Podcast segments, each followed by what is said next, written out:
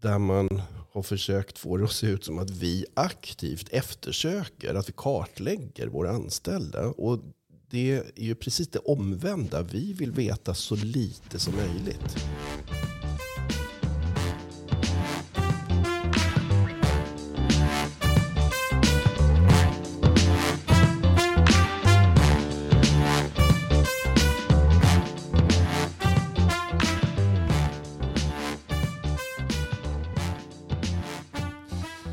Ja, då är vi tillbaka i arbetsutskottet och jag heter Göran Smedberg. Jag finns på Astra Advokater och vi har med oss Olle Ringstedt. Välkomna tillbaka. Ja, ni är alla välkomna tillbaka. Och idag så har vi tänkt att samtala om bakgrundskontroller och då har vi en gäst med oss och det är Johan Leverström som är HR-direktör i Södertälje kommun. Eller säger man Södertälje stad? Mm, nej, man säger Södertälje kommun. Södertälje kommun. Välkommen. Korrekt. Tack för det. Tack. Och som sagt var, vi tänkte att vi skulle kasta oss in i det här med bakgrundskontroller. Och då skulle jag väldigt gärna vilja höra dig Johan berätta lite grann om varför ni har infört bakgrundskontroller. För det här har ju varit det är ju en ganska stor debatt kring det här och många som tycker olika saker och det är man gör gällande att eh, man kränker den personliga integriteten och att det är, eh, strider mot, man påstår att det strider mot GDPR och så vidare. Och då skulle jag gärna vilja veta varför har ni kommit fram till det här att ni vill ha bakgrundskontroller och vad innebär det? Mm, den, den mer närliggande direkta bakgrunden det handlar om Södertälje-kontexten med eh, ganska avancerad eh, nätverksbrottslighet. Men Eh, jag skulle vilja inleda med liksom att gå lite längre bak i tiden. Jag har jobbat med arbetsgivarfrågor i jättemånga år och rört mig i olika kommuner i Stockholms län. Och eh, för, vad kan det vara, drygt 20 år sedan, 20-25 år sedan så fanns det ju en statlig utredning som sen ledde fram till lagstiftningen om eh, skyldighet att uppvisa utdrag ur belastningsregistret innan du får en anställning för att jobba med barn och unga. Och eh, jag jobbade själv i eh, Stadshuset i Stockholm och skrev eh, det remissyttrande som kommunstyrelsen lämnade. Och min eh, minnesbild är att redan då så var det många, många remissinstanser i landet som uppmanade lagstiftaren att gå mycket längre. Det, och då framförallt eh, alltså att bredda kretsen. Eh, alltså barn, och, eh, barn i förskolan och eh, unga i fritidsverksamhet och skola etc. är naturligtvis i högsta grad skyddsvärda. Men det finns också andra grupper. Om vi pratar om äldre, dementa, funktionsnedsatta. Men ingenting har ju hänt egentligen. Utan den lagstiftningen ser ju i princip ut som den gjorde då. Sen vet vi att i landets 290 kommuner så är det ju flera som ändå har valt att, att hitta vägar. Att man begär registerutdrag även från eh, andra inom andra verksamhetsområden. Exempelvis personlig assistans och så vidare. Mm. Mm. Men det där tycker jag det är en viktig bakgrundsorsak. Eh, när, när vi påbörjade vårt analysarbete under 2019 för att börja liksom undersöka möjligheterna. Finns det ett andra sätt att vässa eh, liksom de här möjligheterna att vi säkerställer vad är det för medarbetare vi rekryterar? Och då eh, så lärde jag mig bland annat att registerkontrollen det fin- den har ju en mängd brister. Det finns ett antal brottstyper som inte fångas där. Kan nämna, du pratar om den här lagreglerade ja, precis, precis. Eh, kvinnofridskränkning, misshandel, olaga hot. Och, och, det är ju alltså brottstyper som skulle vara i högsta grad intressant för en Precis. arbetsgivare att få veta. Plus det här med tidsbegränsningen bakåt. Där kan det ju vara värt att tillägga att den registerkontrollen tar ju hänsyn till grov misshandel som följer med, men inte misshandel av normalgraden eller ringa. Mm. Exakt, exakt. Eh, men, men det där är en viktig bakgrund. Sen har vi då haft en dialog under ganska många år med eh, den politiska ledningen i Södertälje eftersom den eh, organiserade brottsligheten har ju varit igång ända sedan ja, 2009, 2010 tror jag. Det började väl eskalera.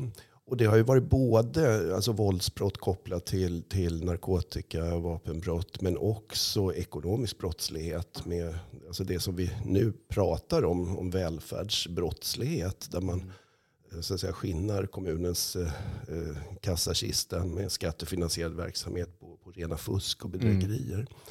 Så att det har varit flera sådana här bakgrundsliggande orsaker. Eh, och det, det primära syftet för en kommun menar vi, det är alltid i första hand det är skyddsvärdet. Alltså de skyddsvärda medborgarna. De medborgare som nyttjar kommunens tjänster måste känna sig trygga med att vi kan erbjuda en trygg och säker verksamhet utan risker för att vi har eh, alltså, medarbetare som har nära koppling till brottslighet av olika slag. Mm. Är det några konkreta fall så här som du kan relatera um, till här? Mm, abs absolut. Um, vi kan ta um, jag menar, vapenbrott. Um, polisen gör ett uh, tillslag hos en ung man, vilket det oftast är i de här sammanhangen. Som trots ung ålder har redan en ganska lång track record med, mm. med grov brottslighet. Och så gör man ett tillslag och eh, sen leder det vidare till åtal och rättegång. Och personen blir dömd i första instans för vapenbrott.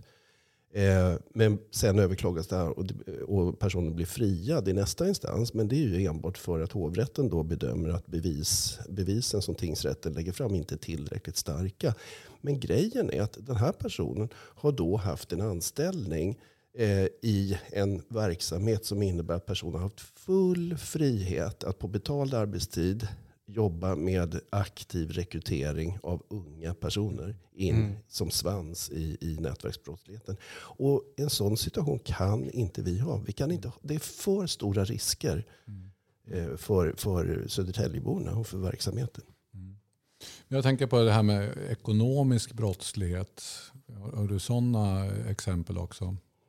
Eh, Södertälje hade ju eh, väldigt stora problem någonstans för ungefär tio år sedan med eh, eh, nystartade företag som skulle utföra hemtjänst eh, och personlig assistans. Eh, och det där ledde ju till några av Sveriges i modern tid längsta och största och dyraste rättegångar. Mm. Och eh, vi har ju personer som både ska säga, hade haft roller som förtroendevalda politiker men också som anställda som sen fick eh, långa straff mm. för det här. Eh, och det här är ju liksom den ekonomiska brottsligheten. Det är, inte, det är lite andra eh, vad ska vi säga, indikatorer på på vilket sätt vi kan fånga det här i eh, bakgrundskontrollerna. Mm. Eh, men det går att liksom få mer information från det som är allmänna handlingar. Och du kan se mönster av eh, eh, vad ska vi säga, eh, engagemang i olika företag i andra branscher. Alltså att du, du, kan se att det här är en person som har andra intressen än just det här jobbet hos oss. Mm. Eh, du kan också se eh, alltså lite suspekta mönster i eh, folkbokföring som du kan anta är någon, någon form av grund för liksom fusk. Mm. Så att bidragsbrott på olika sätt, det är en del. Sen har vi också det här som har nära koppling till eh, misstänkt eh, mutbrott eh, där du hamnar i, i, i jävsituationer eller så. Vi har ju till och med fått gå så långt att vi har avskedat inom både bygglov och eh, mark och exploatering. Mm. Ja, men det, det, jag tänker då också det här med, med vänskapskorruption. Alltså inte rena mutor. Så här, att man mutar någon med pengar. Utan det finns vänskapskorruption, det finns ja. jävsituationer. Som kanske det är lite mer subtilt. Det är lite svårare att, eh, att se det här. Eh, jag, jag tittar på Eh, Statskontoret har gjort en utredning om det här och där, där, man kommer fram till att just den här subtila vänskapskorruptionen och otillbörligt gynnande av personer eller företag är ganska vanlig inom den kommunala verksamheten. Eh, och sen också så, så var jag inne och kikade lite grann på Transparency Internationals korruptionsindex bara liksom som, som lite kuriosa i sammanhanget här. Där Sverige då hamnar på sin sämsta nivå på tio år. Vi åker neråt där. Vi, vi, alltså, vi har 83 poäng där 100 står för ett mycket rent land. Eh, och vi har förlorat i förhållande till våra nordiska grannar. Och de som ligger längst ner i botten på eh, den här eh, listan då, det är Somalia, Syrien, Syd, Sydsudan mm. till exempel. Så, så, att det här är Alltså korruptionen kan ju bestå av många olika typer av, av ageranden. Det är inte bara ge och ta muta utan den här andra typen av korruption också. Där man, där man har jävsituationer och så vidare. Va? Och den är väl ganska så eh, bra om man, om man försöker komma till, komma till rätta med. Det är svårt naturligtvis. Absolut. Ja, men bara en kommentar, jag, jag håller med dig helt. Och, eh, det är viktigt just i, i vårt sammanhang i Södertälje att se att bakgrundskontrollerna som, som vi fokuserar på nu, det är ju ett av flera redskap. De mm. löser inte all problematik. Mm. Mm. Och, och, vi har ju som de flesta, hoppas jag, stora organisationer tagit fram alltså väldigt konkreta eh, riktlinjer för att motverka korruption. Och det handlar om att eh, boosta hela organisationen. Alltså man måste ha på sig rätta glasögon som medarbetare. Så att mm. man, man liksom har, har är, är, lite vaken för det här med riskbedömningar och så. Mm. Men sen finns alltid det här som, som kan, även om Södertälje är en hyfsat stor stad som ligger nära Stockholm, så är det i andra skeden, eh, liksom i vissa avseenden, en ytterst liten provinsiell ankdam där alla känner alla. Och, och mm. man kan sitta på många olika stolar samtidigt. Mm. Du kan vara både förtroendevald politiker, du kan vara anställd, du kan vara eh, aktiv i föreningslivet eh, och kanske i näringslivet också. Och vips så sitter du på så många stolar så att det är klart att risken är mycket större då. Mm. Om du inte har på dig de här riskglasögonen. Mm. Jag tänker, ska vi ta en minut och, och, gå in lite mer, för det finns ju en anledning till varför just du är här. Och det är ju för att Södertälje kommun har ju valt att gå en, en lite annan väg än vad många andra kommuner har gjort och ligger lite i, i, eh, i framkant så att säga vad gäller det som vi här nu säger, kallar för bakgrundskontroller. Men det är ju lite mer än så, lite mer komplext än bara en, en vanlig brottsregisterkontroll. Skulle du vilja gå igenom lite närmare hur det ser ut och hur ni, hur ni gör och vad den här bakgrundskontrollen faktiskt innebär och vad det innefattar för olika moment.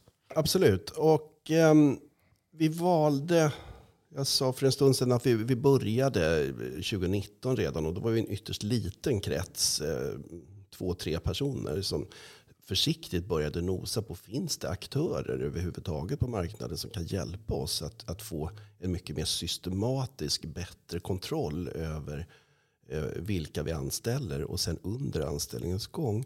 Och så småningom när vi gick vidare till och skaffade oss eh, underlag för att också få, få politiska beslut fattade så valde vi att fokusera på fyra brottstyper. Eh, våldsbrott, narkotikabrott och ekonomisk brottslighet samt eh, sexualbrott. Idag nu när vi har varit, varit igång i ja, snart ett och ett halvt år efter eh, utdragna, eh, ja, väldigt viktiga men ändå dialoger mellan parterna när, när vi eh, genomförde MBL-förhandlingar med alla fackliga organisationer och lät dem ta tid för att skapa så mycket förståelse som möjligt. När vi var färdiga med det gick vi vidare sen med upphandling och har idag då sedan våren 22 ett avtal med ett säkerhetsföretag som i sin tur då har en underleverantör som har en rättsdatabas. Och när vi gör de här kontrollerna, det, det har funnits en del eh, missuppfattningar och lite vad ska vi säga, förenklingar. Där man har försökt få det att se ut som att vi aktivt eftersöker, att vi kartlägger våra anställda. Och det är ju precis det omvända. Vi vill veta så lite som möjligt. Och, och det gör att det vi överför till eh, i en, en portal som finns hos underleverantören. Det är våra personuppgifter, det vill säga våra anställdas personnummer. Som i sig ju är offentliga uppgifter. Så att det är inget konstigt med det. Och vi gör det på ett, ett informationssäkert sätt. Sen är ju vi glada om vi inte får veta någonting. Men i den mån som det finns en träff mot någon av de här fyra brottstyperna. Och då, då, ja, beroende på hur mycket man fördjupar sig kring just en rättsdatabas. Men den är ju fylld med mängd olika dokument. Det är inte bara domar. Utan det är ju en mängd dokument som är offentlig handling. Från både domstolar och andra myndigheter i Sverige. Och i den mån det blir en träff så är det då vårt säkerhetsföretag som vi har upphandlat som gör en första bedömning och sen väljer ut då vad de bedömer är intressant för oss att veta. Och det är ju, ska vi säga på en gång, ytterst Ytterst lite. Om vi, alltså det här med, med nyrekrytering och nyanställning, det är ju inte så kontroversiellt längre som det har varit tidigare. Men det här när vi gör kontroller under pågående anställning. Jag menar, du kan vara så att säga, hel och ren och, och, godkänd när du anställs. Men sen vet vi alla att det kan hända saker. Det är ju en, en dagsnotering då. Men det kan hända saker i människors liv som, mm. som gör att man eh, trillar åt sidan och hamnar i fel sammanhang och börjar ägna sig åt saker som påverkar vårt förtroende. Och det är ju det vi vill få kläm på. Mm. Och eh, av 7000 anställda, när, om vi har en, en kvartalsgenomgång tillsammans med säkerhetsföretaget, då är det kanske ja, vad ska jag säga, mellan 10, 15, 20 träffar. Så mm. i större volymen så har det inte varit hittills. Av de här träffarna så, kan, så vet vi ingenting i första... Vi har bara muntligt mm. informationsöverförande. Ska vi, säga. vi upprättar inga som helst register, finns inga förteckningar, ingen dokumentation.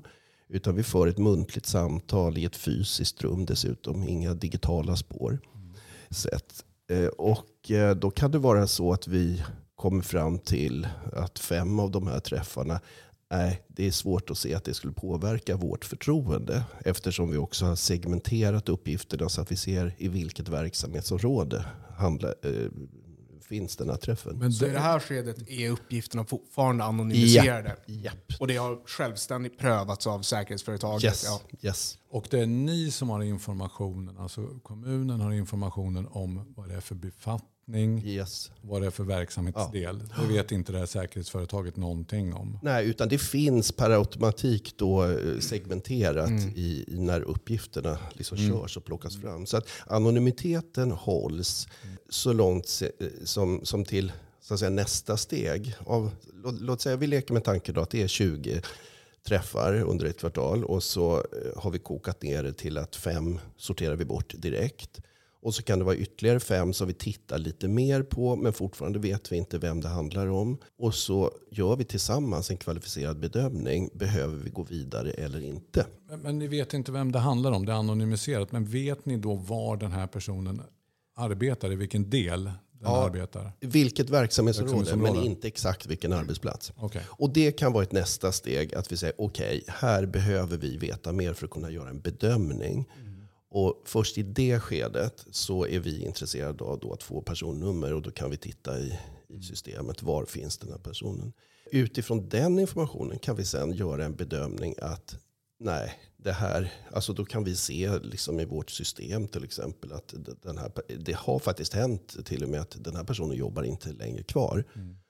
Eller, eller det här är en timavlödande anställning som, som väldigt enkelt går att avsluta. Mm. Mm. Så, så att det här kokar liksom ner. Det, det, det är som en tratt som, som liksom blir smalare och smalare. Mm. Och så kvarstår kanske en handfull, då, säg fem, sex, sju träffar som vi ändå bedömer, okej, okay, det här behöver vi göra någonting åt. Det här behöver vi omhänderta. Så det är viktigt att veta att ni får inte 7000 akter nope. från säkerhetsföretaget. Nope. Där det står att de här personerna, eller det finns x antal av de här som har någon form av anteckning i, i de här registren eller har, de här, har begått något av de här brotten. Dömd för något av de här brotten. Är det något annat än de här brottstyperna som, som, som ni tittar på? Nej, alltså vi fokuserar på de här brottstyperna och det är utifrån att eh, eh, återigen att vi är ju ingen, vi är inte som arbetsgivare ute efter att veta allt om våra anställda.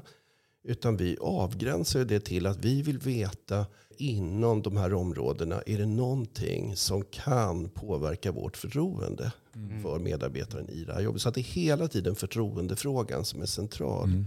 Men det som är intressant här och lärorikt är ju just också det här, det här ibland eh, förenklingen. När man, när man tror sig veta om hur det här går till så pratar man om domar.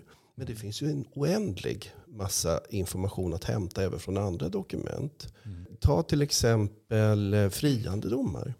Mm. Jag menar, om det är en person som har, eh, säg att det är en person som anställdes för ett antal år sedan inom skola eller förskola eller fritidsverksamhet och faktiskt då uppvisade ett eh, utdrag ur belastningsregistret. Och det fanns ingenting som fångades där. Men sen händer saker under resans gång som gör att den här personen har eh, eh, åtalats och kanske till och med blivit dömd i första instans för sexuella övergrepp mot minderåriga. Men friad i nästa instans.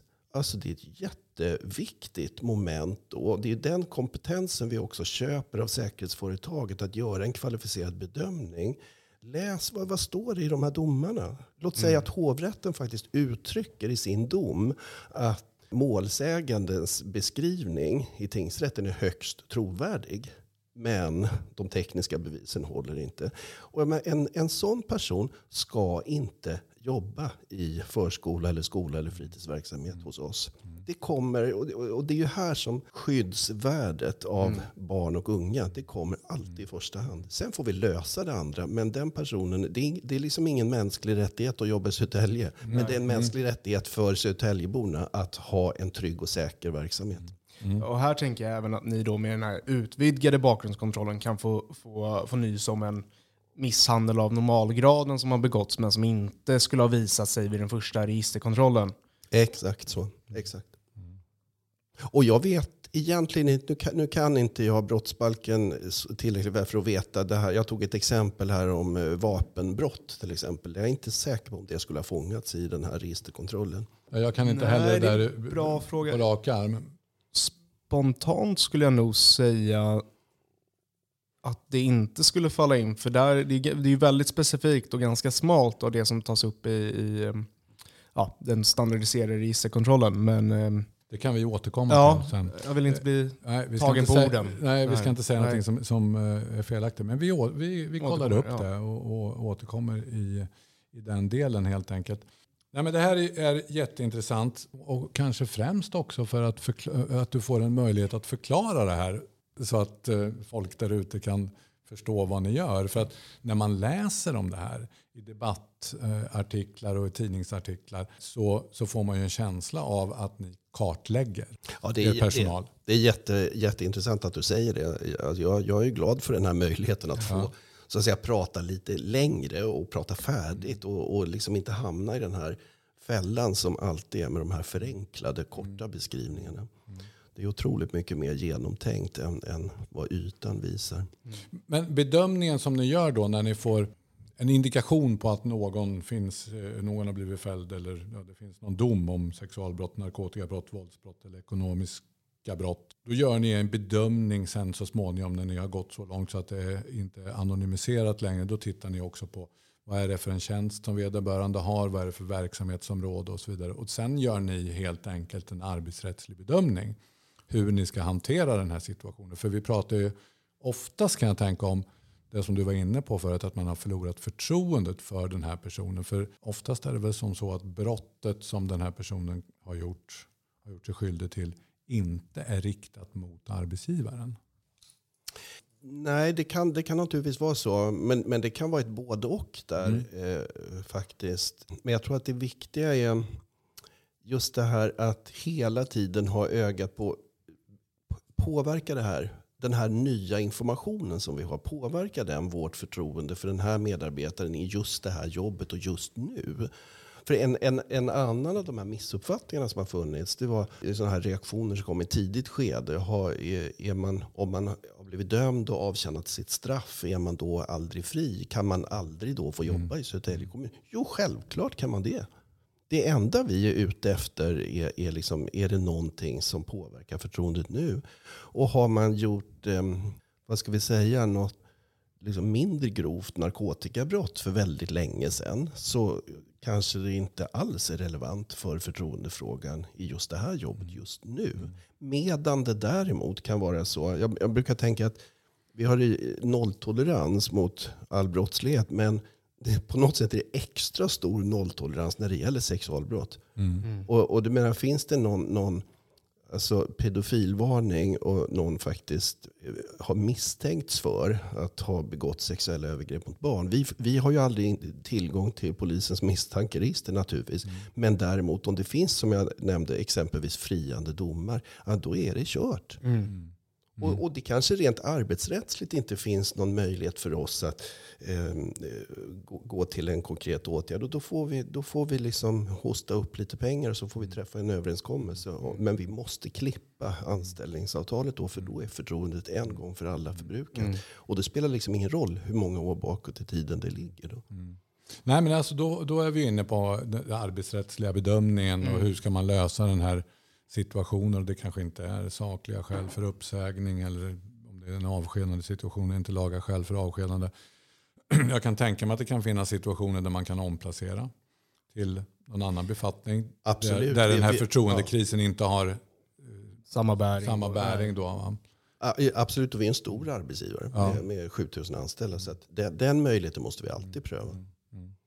Men det är ju liksom en, en, en del för sig. Mm. Och, och, vi, Olle och jag har ju tidigare i, ett avsnitt gått igenom det här med huruvida det är sakliga skäl eller som det tidigare hette saklig grund för uppsägning när, när en arbetstagare har begått ett brott som inte är riktat mot arbetsgivaren utan det är utom, utanför tjänsten. Då. Så jag kan hänvisa till det avsnittet. Jag har inte i huvudet nu vilket avsnitt det är men det ligger inte så långt tillbaka i listan. Så är det. Så är det, precis. Nej, men det är bra. Då har du fått en möjlighet att förklara lite grann hur, eh, hur ni har resonerat där. Då. Får jag, får jag bara lägga till mm. en grej? Jag, jag kommer att tänka på just det här. Alltså vi, även om vi ligger liksom tidigt, alltså långt framme och lite först ut i kommunsverige att gå så här långt som vi har gjort. Mm. Så vet vi att alla tittar ju på det här. Alla, alla seriösa arbetsgivare är ju intresserade mm. av det här. Och det fanns ett case, och nu är jag ute på lite så här halis för jag kan inte hela det här caset. Men det fanns ett case för några år sedan då en anställd på en eh, blåljusmyndighet eh, fanns bedriva på sin, under sin semesterperiod så drev den här personen bordell i mm. Thailand. Mm. Och det, det, även om det inte hade någonting att göra med det här jobbet här i, i Sverige så påverkade bara den informationen påverkade förtroendet så starkt så att det gick inte att ha kvar den här personen. Men jag, jag, vet, jag, jag har mm. ingen koll på exakt hur det gick rent mm. processuellt. Om Nej. det gick upp i AD eller inte. Men, och det var just den här förtroendefrågan. Och de är inne och pratar om liksom, vad, vad, står den här organisationen för? Vad är det för värdegrund? Alltså, vad är det man måste leva upp mm. till mm. när, man, när man träffar ett avtal med att jobba för just den här arbetsgivaren? Ja, det blir ju lite lätt kontraproduktivt ifall man håller på med någon slags kriminell verksamhet vid sidan om. Även om det inte har en direkt relevans och det är riktat mot arbetsgivaren så, så är det ju i, de, i många situationer så blir det ju naturligtvis Eh, en förtroendekris och en förtroendeskada. Och den måste man ju hantera på ett eller annat sätt. Och då får man ju titta på vilka arbetsrättsliga redskap som vi har. Har, har ni någon så här, ja det är kanske det du har pratat om, någon strategi utformad från början? Liksom, i hur ni ska hantera de här, när ni, om man uttrycker lite vanvördigt, får napp i en sån här situation? Ja, vi, vi, jo, men vi har ju tänkt igenom det här noga redan från början. Och en del har handlat om att vi skulle, kommer aldrig göra det här under radarn. Utan det måste vara full transparens om hur går det här till, hur gör vi, hur, hur görs de här bedömningarna, hur hanteras den här informationen. Så att vi skapar så stor förståelse som möjligt och så stor trygghet som möjligt hos alla 7000 medarbetare om att det, det här är en trygghetsskapande åtgärd och inget annat. Så då har vi också lagt en väldigt, väldigt tydliga rutiner för hur vi hanterar den här informationen. Och det, det, är en väldigt liten krets då som tar samtal med närmaste chef. Och så ger man som i alla sammanhang där en HR-funktion stöttar linjeorganisationen så blir det här ytterligare en information som närmaste chef behöver få lite stöd och råd i hur ska situationen hanteras. Och som vi var inne på, går det att omplacera eller måste vi hitta en annan lösning? Det jag tycker att vi kanske så här långt har pratat för lite om är arbetsmiljöriskerna. Vi hade den frågan liksom på bordet igen och hade formulerat och skriftligt om den redan från början. Men sen har ju allt fokus kommit att hamna på upplevelsen av intrång i den personliga integriteten. Så det är ju den vi har fått säga, argumentera kring. Men jag tycker kanske ibland att vi har tappat lite om den här arbetsmiljörisken. Ett annat case som var aktuellt för några år sedan. En person som i sitt hem på helgen får båda knäskålarna sönderskjutna och alla, så här, citationstecken, alla vet att eh, precis vad det handlar om. Ett eh, så gängrelaterad eh, problematik och narkotikahandel och så vidare. Grejen är ju då att den här personen jobbar i en sån verksamhet där det rör sig många unga människor. Och det, det är en, en, verksamhet där det överhuvudtaget är en, en så att säga, både personalintensiv och, och medborgarintensiv verksamhet. Vad händer nästa gång? Alltså när är det så att den här eh, brottsligheten inte bara drabbar den här enskilda personen i sitt hem på fritiden? Mm. När äter det sig in? Liksom, kommer de att söka upp min kollega på arbetstid nästa gång? Är det en risk även för mig då? Så jag tror att både fackliga företrädare, skyddsombud med flera och chefer kommer att ställas inför nya situationer där man måste hantera arbetsmiljömässig riskbedömning med lite andra ingredienser än förr. Mm. Och det här har vi sett i hela samhället nu när det gäller eh, pågående eh, våld till och med det dödliga våldet. Det hör vi ju liksom var och varannan dag. Nu, ja. Precis. Hur det drabbar inte bara brottslingar utan även anhöriga och så vidare. Så att, när kommer det här in på arbetsplatsen? Nej, men alltså det har ju redan kommit in på arbetsplatsen. Ja. Så är det ju. Jag har varit i kontakt med den typen av ärenden också. Där direkta hot och action faktiskt har riktats på ett sådant sätt så att det faktiskt har drabbat arbetsplatsen. Så det är ett konkret arbetsmiljöhot en risk mm. som man måste ta, ta, ta höjd för. Och det är definitivt så att det är väldigt, väldigt viktigt i det här sammanhanget. Ja, det, jag bara säga, det är jättebra att du ja. nappar på den tråden. Jag saknar den analysen från de fackliga organisationerna. Nej, men det, det, handlar, nu lägger jag lite värderingar här, men, men det är nog, jag tror att det är väldigt lätt att enbart fokusera på personlig integritet. Och, mm. och, att det ska finnas ett någon slags skydd. Vi måste skydda de svaga här i, i samhället. Och de svaga i en arbetsgivar-arbetstagarrelation är per definition arbetstagarna. Även fast vi alla, åtminstone vi som sitter runt det här bordet, vet att det behöver inte vara på det sättet. Utan det kan finnas situationer där också arbetsgivaren är en, en, en svag aktör. faktiskt.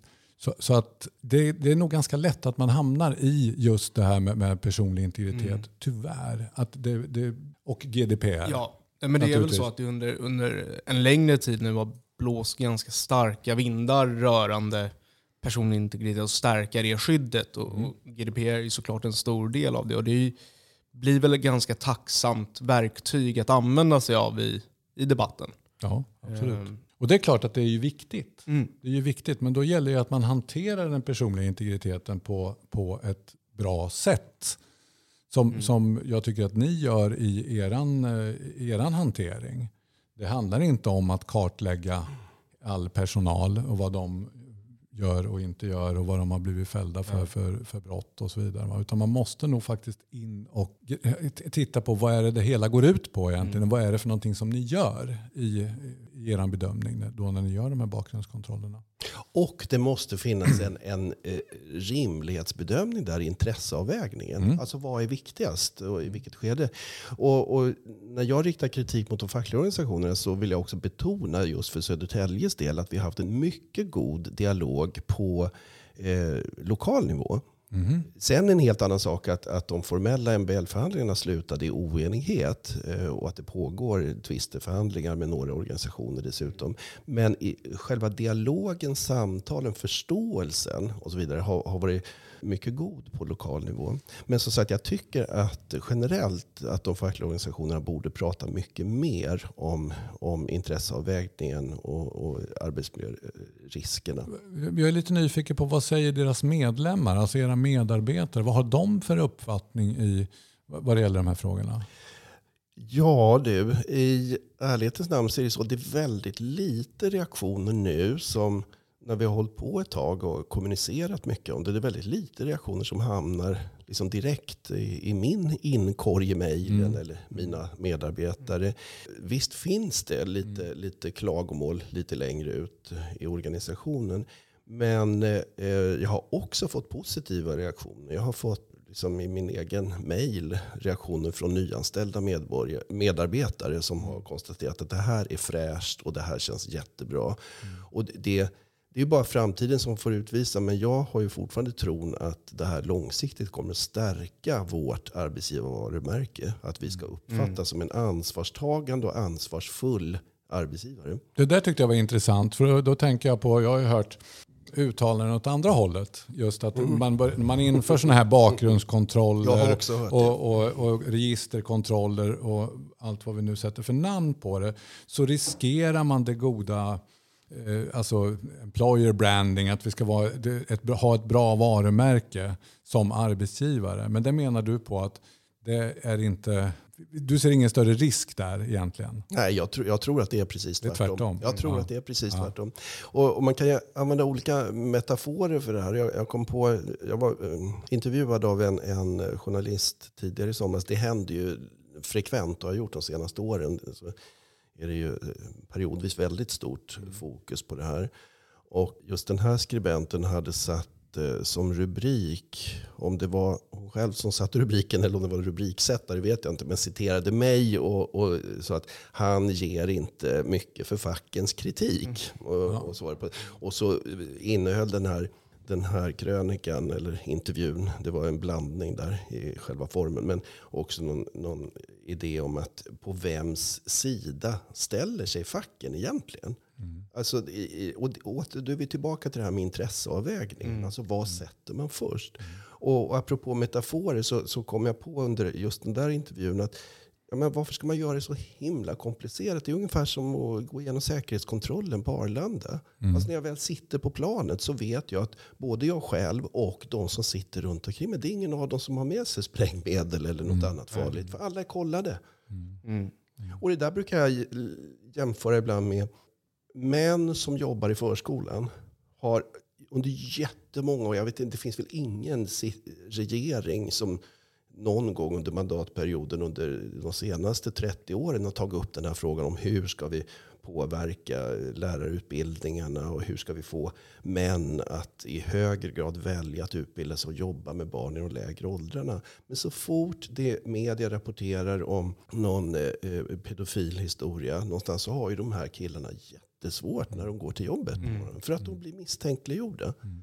Och i synnerhet eh, kanske i de delar av vårt samhälle där det är många som har, kommer från andra kulturer och har kanske en ännu mer cementerad eh, könsstereotyp eh, mm. bild mm. av män och kvinnor. Och, mm. och, så, så, det handlar ju mycket för de männen som jobbar i förskolan som menar att det här är bara uppsida. Mm. Att vi jobbar med mm. bakgrundskontrollen. Man måste kunna säker, man måste kunna känna sig säker och så att säga, klarmarkerad när man går in på jobbet. Mm. Jag tänker på medborgarna kommunmedborgarna. Hur har, hur har reaktionerna varit från dem? Ja, det har nog varit blandat. När jag tittar på Södertälje, det finns ju en del lokalmedia där. Både i tryckt eh, skrift och eh, digitalt och SVT och Sveriges Radio. Och det har funnits både inslag av insändare som har eh, hyllat det här och menat att det är jättebra. Men också det omvända. Mm. Där, där medborgare tycker att vi agerar som, som, ett, som att vi inför liksom ett övervakningssamhälle mm. genom vårt sätt att mm. jobba. Så. Men det är väl en mognad tror jag. Jag tror jättemycket på kommunikation om det här. Att berätta mer och hela tiden prata om syftet och, och också visa på goda exempel och också avdramatisera mm. det. Och inte, gör, inte, alltså tona ner hela den här integritetsfrågan för att den är inte så besvärande som man vill låta göra gällande. Nej. Jag tänker då på också, hur ser, eller vad är din uppfattning? Har, har liksom debatten blivit lite mildare kring det här nu? Eller alltså kritiken från ja, omgivningen? Eh, Har man vant sig lite grann vid att det är på det här sättet? Jag tror både, både och. Eh, Dels är det så att jag, jag ser ju i mina olika nätverk i det offentliga Sverige att Mm.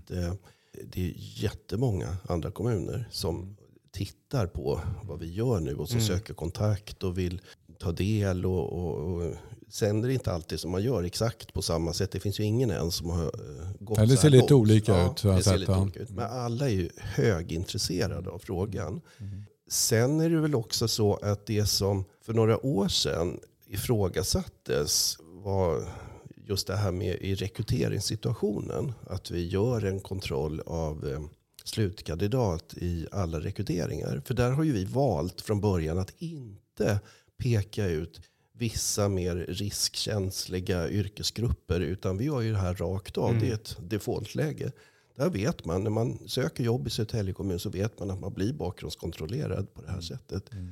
Eh, och den frågan känns mer och mer som en icke-fråga.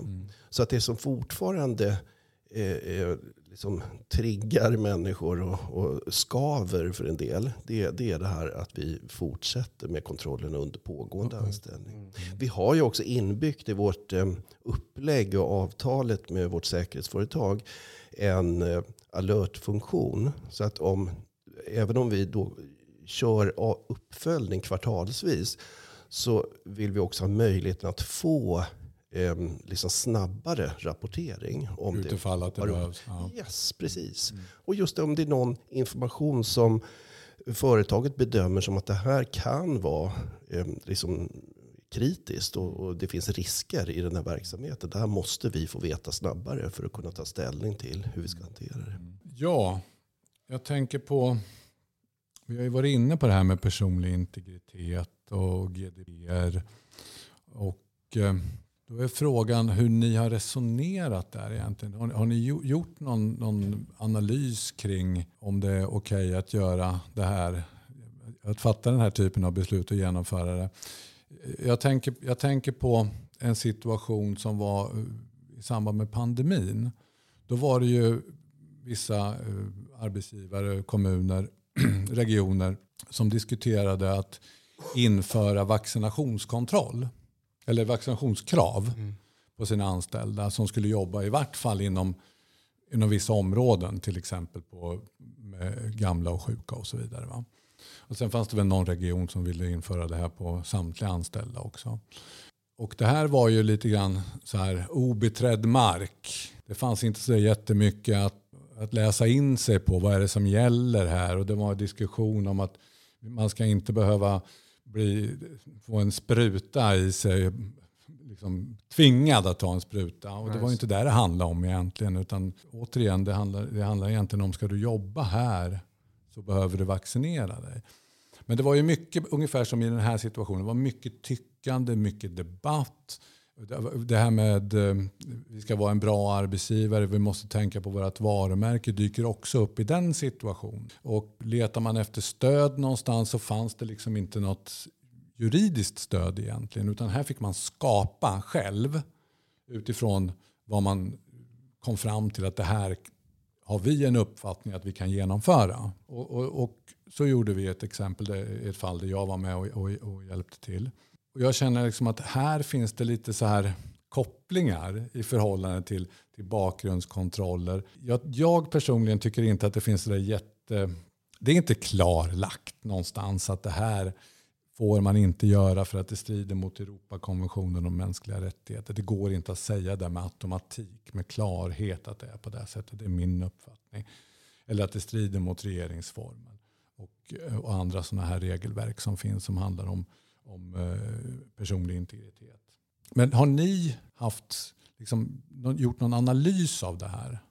Eller har ni tänkt bara så här, vi har en situation som vi måste lösa? Vi, vi kör, vi Ja, håller för näsan Ja. och plumsar i. Nej, men det är klart att vi har gjort massor. Vi har ju någon sån här, jag vet inte, 74 A4-sidor lång konsekvensbedömning enligt GDPR, paragraf 38 eller vad tusan det nu är.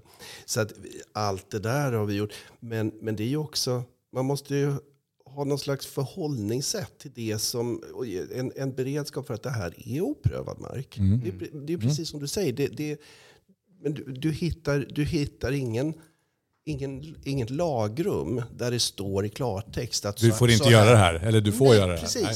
Vare sig heller. Du hittar inget lagrum som säger det här får du inte göra. Men du hittar ju inte det omvända heller. Och eh, eftersom vi har en så otroligt stark eh, offentlighetsprincip i Sverige så menar ju vi att jag menar, så länge som Sveriges riksdag inte har förbjudit nyttjandet av eh, den här typen av rättsdatabaser som eh, den här informationen bygger på. Så jag menar, varför inte se till att kunna använda dem på ett systematiskt sätt som i, i vår intresseavvägning då är viktigt för att säkerställa en trygg och säker verksamhet för, för medborgarna. Ja, men och, på något sätt är det så att allt kan inte regleras tydligt genom lag svart på vitt, utan mycket skapas genom praxis. Och för att praxis ska tillkomma krävs ju att någon är med och skapar den praxisen. Någon måste ju våga testa och se om isen håller eller inte. Och det ja. Och, sen i det sammanhanget så, så, så vill jag säga att även om jag rent professionellt i, i, i, i min eh, bransch och min yrkesroll har, har en massa liksom både i analyser och, och bakgrund i det här. Så är det ju speciellt just i Södertälje. Jag hade ju aldrig kunnat driva den här frågan om det inte hade funnits en, en väldigt tydlig förankring hos den politiska ledningen. Och, och det vill jag liksom skicka en, då en eloge till, till den politiska ledningen att man vågar eh, låta oss pröva det här. Med, så att vi har ju hela tiden sett till att skapa full riskmedvetenhet. Alltså om det i slutändan visar sig att vi, vi så att säga, åker dit på något sätt och, blir, och får betala administrativa sanktionsavgifter för brott mot GDPR. Det är ju det är mycket pengar. Mm. Men, men samtidigt så, så menar ju vi i fullt samförstånd med politiken att eh, vi är beredda att pröva det här och testa hur, hur långt man kan gå. Så får vi se sen vad JO kommer att säga så småningom eftersom vi har en pågående eh, utredning där. Mm. Just det, och det vet vi någonting om när det kommer levereras något beslut där? Nope, vi, eh, JO-anmälan gjordes redan i vad var det? Jag tror det var Juni juni 22. tror Ja, precis. Juni 22. Och eh, kommunstyrelsen lämnade då i december förra året ett eh, yttrande där vi då argumenterar för att, att den här bedömningen om intresseavvägningen. Och så får vi se vart det landar. Men vi har inte hört någonting än.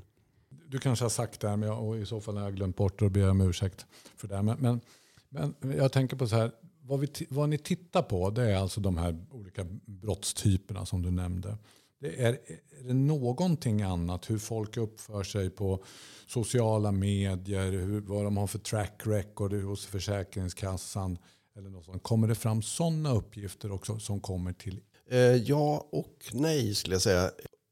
Försäkringskassan, jag menar, då är du inne faktiskt under rubriken ekonomisk brottslighet. Om det visar sig att man, man faktiskt eh, är föremål för utredning av, av bidragsbrott. Så att det skulle kunna komma om det finns någon allmän handling registrerad någonstans som styrker det. Den andra kartläggningen, det där är ju mer, tycker jag efter, efter många år i den här branschen, det är ju liksom ett modernt och självklart sätt att rekrytera. Det finns väl ingen idag, vare sig en rekryterande chef eller, eller någon, något HR-stöd som inte kartlägger slutkandidat eh, på, på nätet och kollar runt i sociala medier och så vidare. När vi eh, har anlitat konsultstöd vid vissa rekryteringar av toppchefer eller kvalificerade specialister på vissa positioner. Då, då brukar ju också så här rigorösa bakgrundskontroller vara en del i rekryteringsprocessen. Så, så den delen, den, den, fångas, den fångas där. Sen kan jag väl tänka mig att vissa typer av tjänster ska väl säkerhetsprövas också. Det, är- det, är ju, det är ju en helt annan reglering. Yes, så är det definitivt. Vi har för övrigt landat i att vi gör både, eh, alltså på de befattningar som är säkerhetsklassade eh, så gör vi både bakgrundskontroll och eh, säkerhetsprövning av slutkandidat. För hela den processen med, med Säpos granskning. Det, det finns delar som vi fångar i bakgrundskontrollerna som inte Som finns inte med de, där. okej. Mm. Nej men precis, för det hade varit en av mina följdfrågor hur det ser ut med om sökningen endast gäller det man kan kalla direkta träffar, alltså när det är en, en förundersökning där det är du som har begått ett brott eller en dom riktad mot dig. Finns det någonting i den här kontrollen som är mer fokuserar mer på perifera roller? Det säga man kanske har en kusin eller släkting som är dömd för organiserad brottslighet som ni tar hänsyn till? Eller är det endast vid mer säkerhets... Mm. Nu, nu är du inne på ett jätteintressant Ja. spår. Alltså akta dig vad vi har funderat på just det där. Och Mm. I eh, förberedelsearbetet, det kan ha varit 20, 2020, så anlitade vi eh, ett, en extern advokatbyrå. Dock inte den här, Nej. en, en annan. Det finns flera. Ja, det finns flera. Men som fick, göra en, som fick hjälpa oss med en extern genomlysning både av arbetsrätten och dataskyddsrätten. Och då kom den här frågan också upp om bisysslor och vi gav eh, uppdrag till den advokatfirman att liksom borra lite i det här. Alltså hur ser vår möjlighet ut som Mm. arbetsgivare att kontrollera inte bara våra anställda eller de som söker jobb hos oss utan även andra i hushållet och så vidare. Och den bedömning som gjordes då var att det är fullkomligt uteslutet. Att Mm. då går vi lite för långt. Mm. Men jag ser gärna att eh, vi tillsammans med andra kan fortsätta borra i den frågan. För den är högst intressant. Mm. Och då ska vi veta det här. Ja, men återigen, ta, en- ta en stad som Södertälje. 100 000 pers bor där. Det är en väldigt eh, liksom tydlig eh, kontext av organiserad brottslighet. Av 7 000 anställda, det är klart som tusan att några av de 7 000 eh, lever tillsammans med någon som finns med i något av de Mm. här eh, nätverken och så vidare. Och därmed ut, utgör kanske en risk. Men Mm. vi har ingen formell möjlighet att Nej. aktivt ta reda på det. Däremot så har vi börjat nosa lite i alltså hur, hur riggar vi den så att säga, ordinarie rekryteringsprocessen. Vad, Mm. om man ska titta på i alla så här HR-handböcker för chefer och så vidare. Hur ser det ut i skolboken? Hur gör du när du liksom vad har du för checklista? Vad har du för, för mall för en anställningsintervju och så vidare? Jag tror att man behöver våga ställa fler typer av frågor Mm. helt enkelt. Alltså om, om du söker jobb hos mig så behöver jag känna att det, jag har inte bara rätt utan det är min skyldighet att fråga dig saker som eh, är du medlem i några föreningar? Eh, I så fall vilka?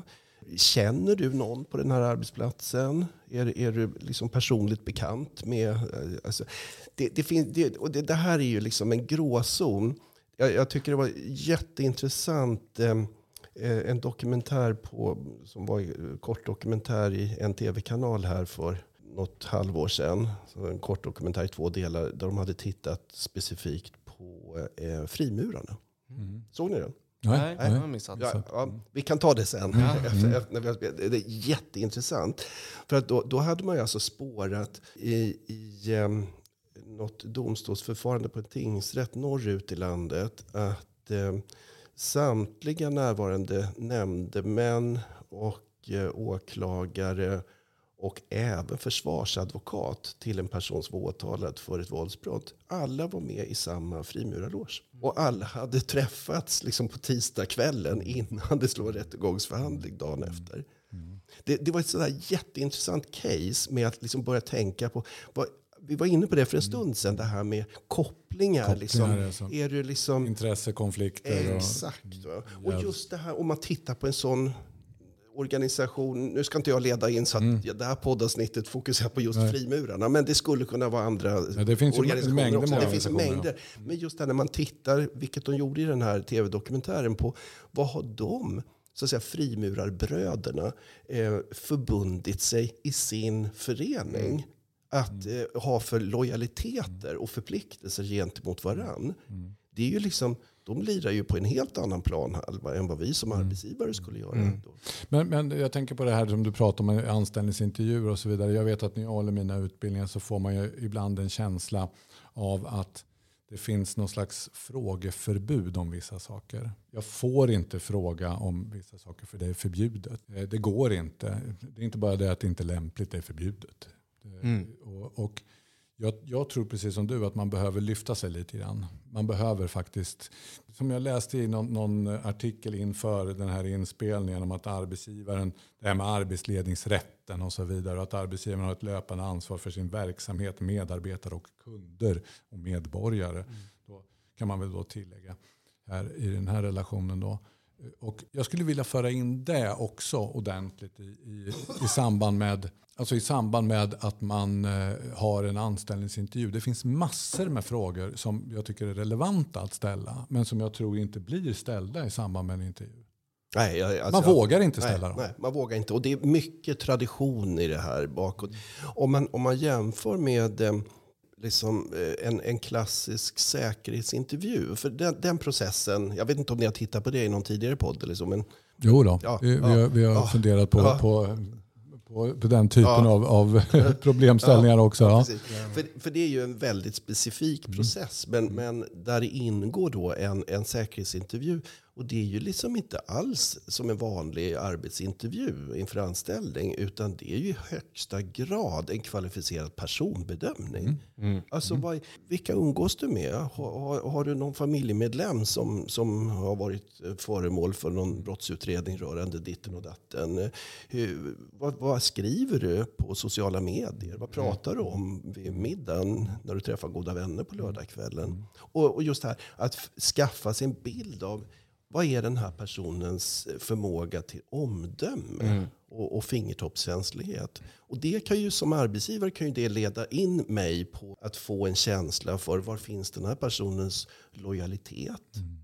Och, och eh, liksom professionalitet eh, i, vid bemärkelse. Ja. Det finns en person som jag jag säga, älskar, fast jag känner henne inte personligen så, men det är ju Anna Skarhed, mm. före detta justitiekansler. Mm. Och hon, hon har ju förvisso eh, riktat sitt fokus mot, mot staten framförallt mm. av naturliga skäl.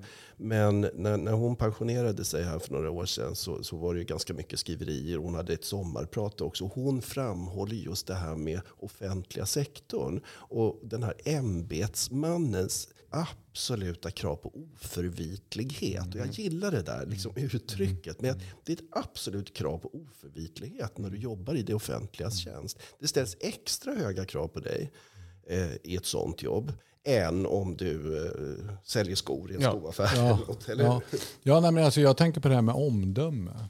Att, att man ska ha ett, ett bra omdöme. Jag förstår ju liksom att eh, i en sån här säkerhetskontroll den är, ju, den är ju rigorös.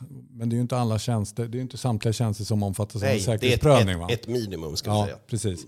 Och där tittar man väl också på vad den äkta hälften har hittat på? Absolut. Mm. Och det är ju lite olika beroende på vilken, vilken säkerhetsklass, mm. ja, vilken grad man hamnar i. Så, så, nej men jag kan hålla med att det är väldigt intressant att fortsätta borra i de här sakerna. Liksom hur kan man, skulle man kunna göra det här vidare? och titta på vad närstående och var ska man då dra gränsen för mm. det och så vidare. Det finns ju massor med problemställningar som dyker upp här. Men en sak här, vi ska väl börja avrunda så småningom här. Jag tänkte på, har du sett någon effekt av det här då? Att det här med bakgrundskontroller?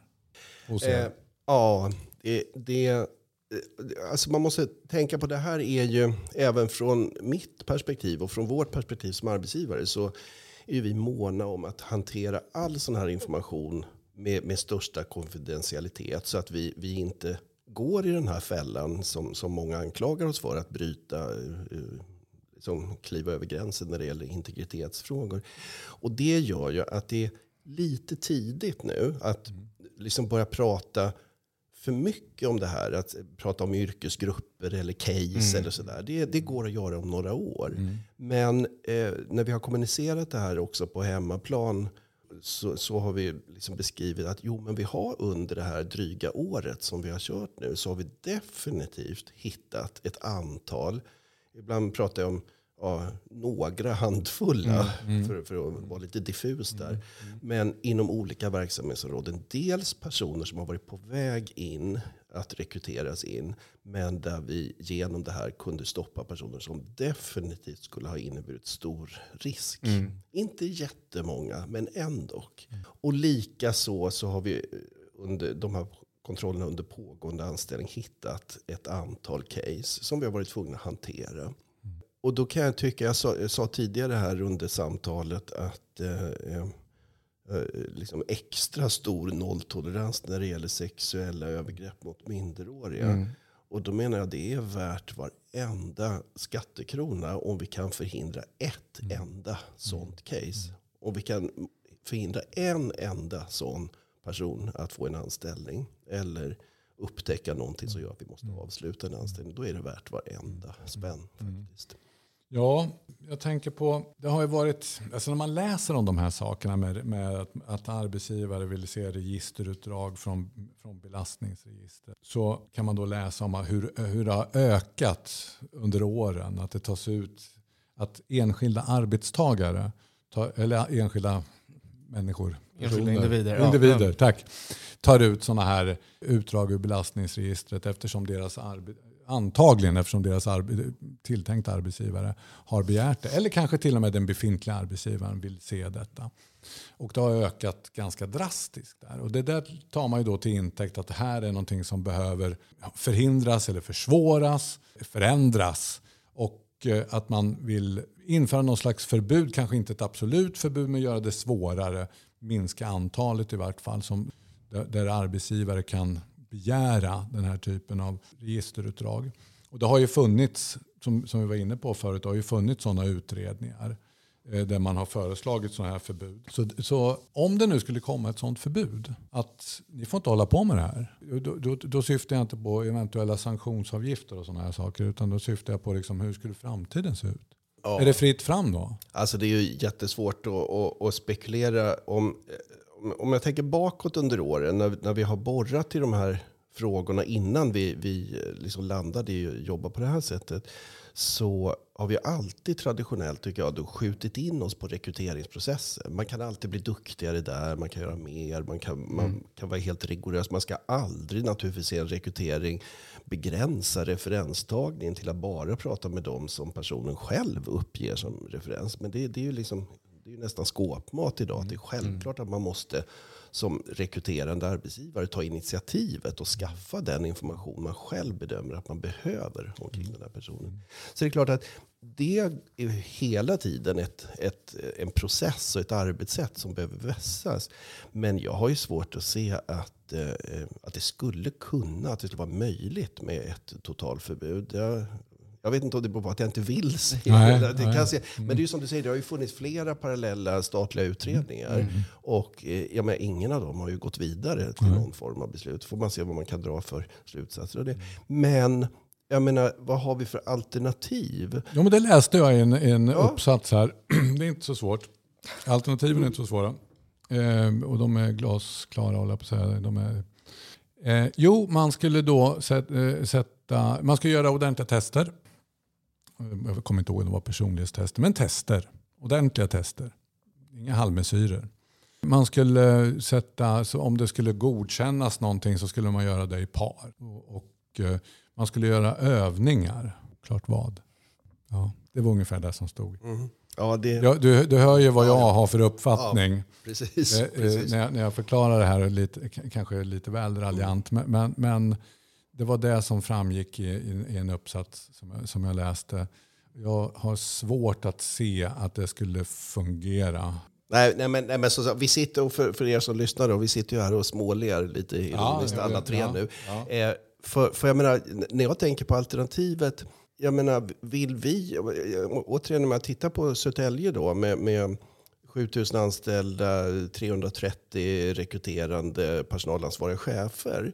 Alltså, vill vi ha ett sånt läge då de här cheferna själva skaffar sig konton på Lexbase eller går in på Flashback och kollar alla trådar som finns där. För det är klart att man gör det i så fall. Och så hittar man någon tråd där. Men det, det är ju inte ett seriöst sätt att Nej, jobba. det är definitivt inte och, och det seriöst. är därför återigen som vi vill hitta, så länge som det är tillåtet med, med rättsdatabaserna och att allt bygger på offentlig handling. Vi är ju ingen deckarbyrå som tar reda på andra saker än det som är, ändå är allmän handling. Och varför inte då hitta en, en systematik i det, ett strukturerat, systematiserat arbetssätt då vi omhändertar den informationen. Bygger det kring någon form av rättssäkerhet i Ja, processen. absolut. Rättssäkerhet är definitivt ett ord. Det är också en sån här grej som vi borde prata mer Ja. om. Ja, faktiskt. Och det, det alternativet som du skissade där, att man går in och kollar på Flashback och man går in på, på Mr. Koll eller vad det nu heter för någonting. Alla de här olika databaserna som man kan köpa information från. Det är ju inte riktigt bra. Om enskilda, arbets, eller enskilda chefer gör detta. Nej. Det vore ju inte, Och- inte bra. Och nu, nu vill jag, om det är någon i Södertälje som kommer att lyssna på den här podden, så vill jag vara tydlig med att jag har absolut ingen sån känsla att våra chefer gör så. Men, men det är mer generellt. Alltså, vi, skulle vi vilja ha ett sånt läge? Nej, det, det vill vi ju inte. Nej, så är det. Olle, har du något mera här? Nej, Jag tycker det, det finns väldigt mycket mer jag skulle vilja prata om vad, vad gäller det här ämnet. Men jag tror nog att det kanske är bäst att spara det till ett senare avsnitt. För att Ja, inte det- göra det allt för långdraget för ja, lyssnarna. precis. Men det finns ju oerhört mycket Det finns jättemycket intressanta saker. Det är många bottnar i det här och mycket som, som vi vill diskutera vidare. Främst så ska, så kommer ju, så ska det ju naturligtvis diskuteras de rättsliga, den rättsliga problemställningen som finns kring här. Men det är eh, jätteintressant att få höra din förklaring till kring hur det här fungerar hos er med, med bakgrundskontroller. Och så att jag hoppas att eventuella eh, missförstånd som jag tycker mig kan, kan läsa Ja. mig till i, i, i tidningar och i debattinlägg. Att, man, att de kanske har eh, suddats ut, en del av dem i alla fall. Och det är väl inte omöjligt att vi får jaga hit Johan igen så småningom. Det vore bara trevligt. Ja, det vore bara trevligt. Ja, jag, jag passar på att säga tack för att jag fick eh, prata till punkt. Ja, ja det, det tycker Tack vi. själv. Det, det ska man få göra. Precis, ja. Nej, men det, är- det, det är riktigt, riktigt bra faktiskt att få kunna sätta lite mer ord på det här. Och, och sen är det ju så, återigen om det är någon i Södertälje som kommer att lyssna på, på det här poddavsnittet. Vi har ju försökt lägga ut jättemycket på vårt intranät och har en, en omfattande FAQ då vi försöker beskriva i detalj. Men man, kommunikation är svårt. Alltså. Kommunikation man, är svårt. Man Och jag- och jag- måste jobba mycket med den ständigt. Ja, och det sa du förut också, att det här med kommunikation är jätteviktigt och vi ska vara transparenta, så transparenta som vi kan vara. Och det tror jag också är jätte, jätteviktigt. Mm. Ska vi avsluta här då? Ja, Mm. Då tackar vi så jättemycket för att du ville komma. Tack. Tack för att jag fick komma. Hej då. Hej då!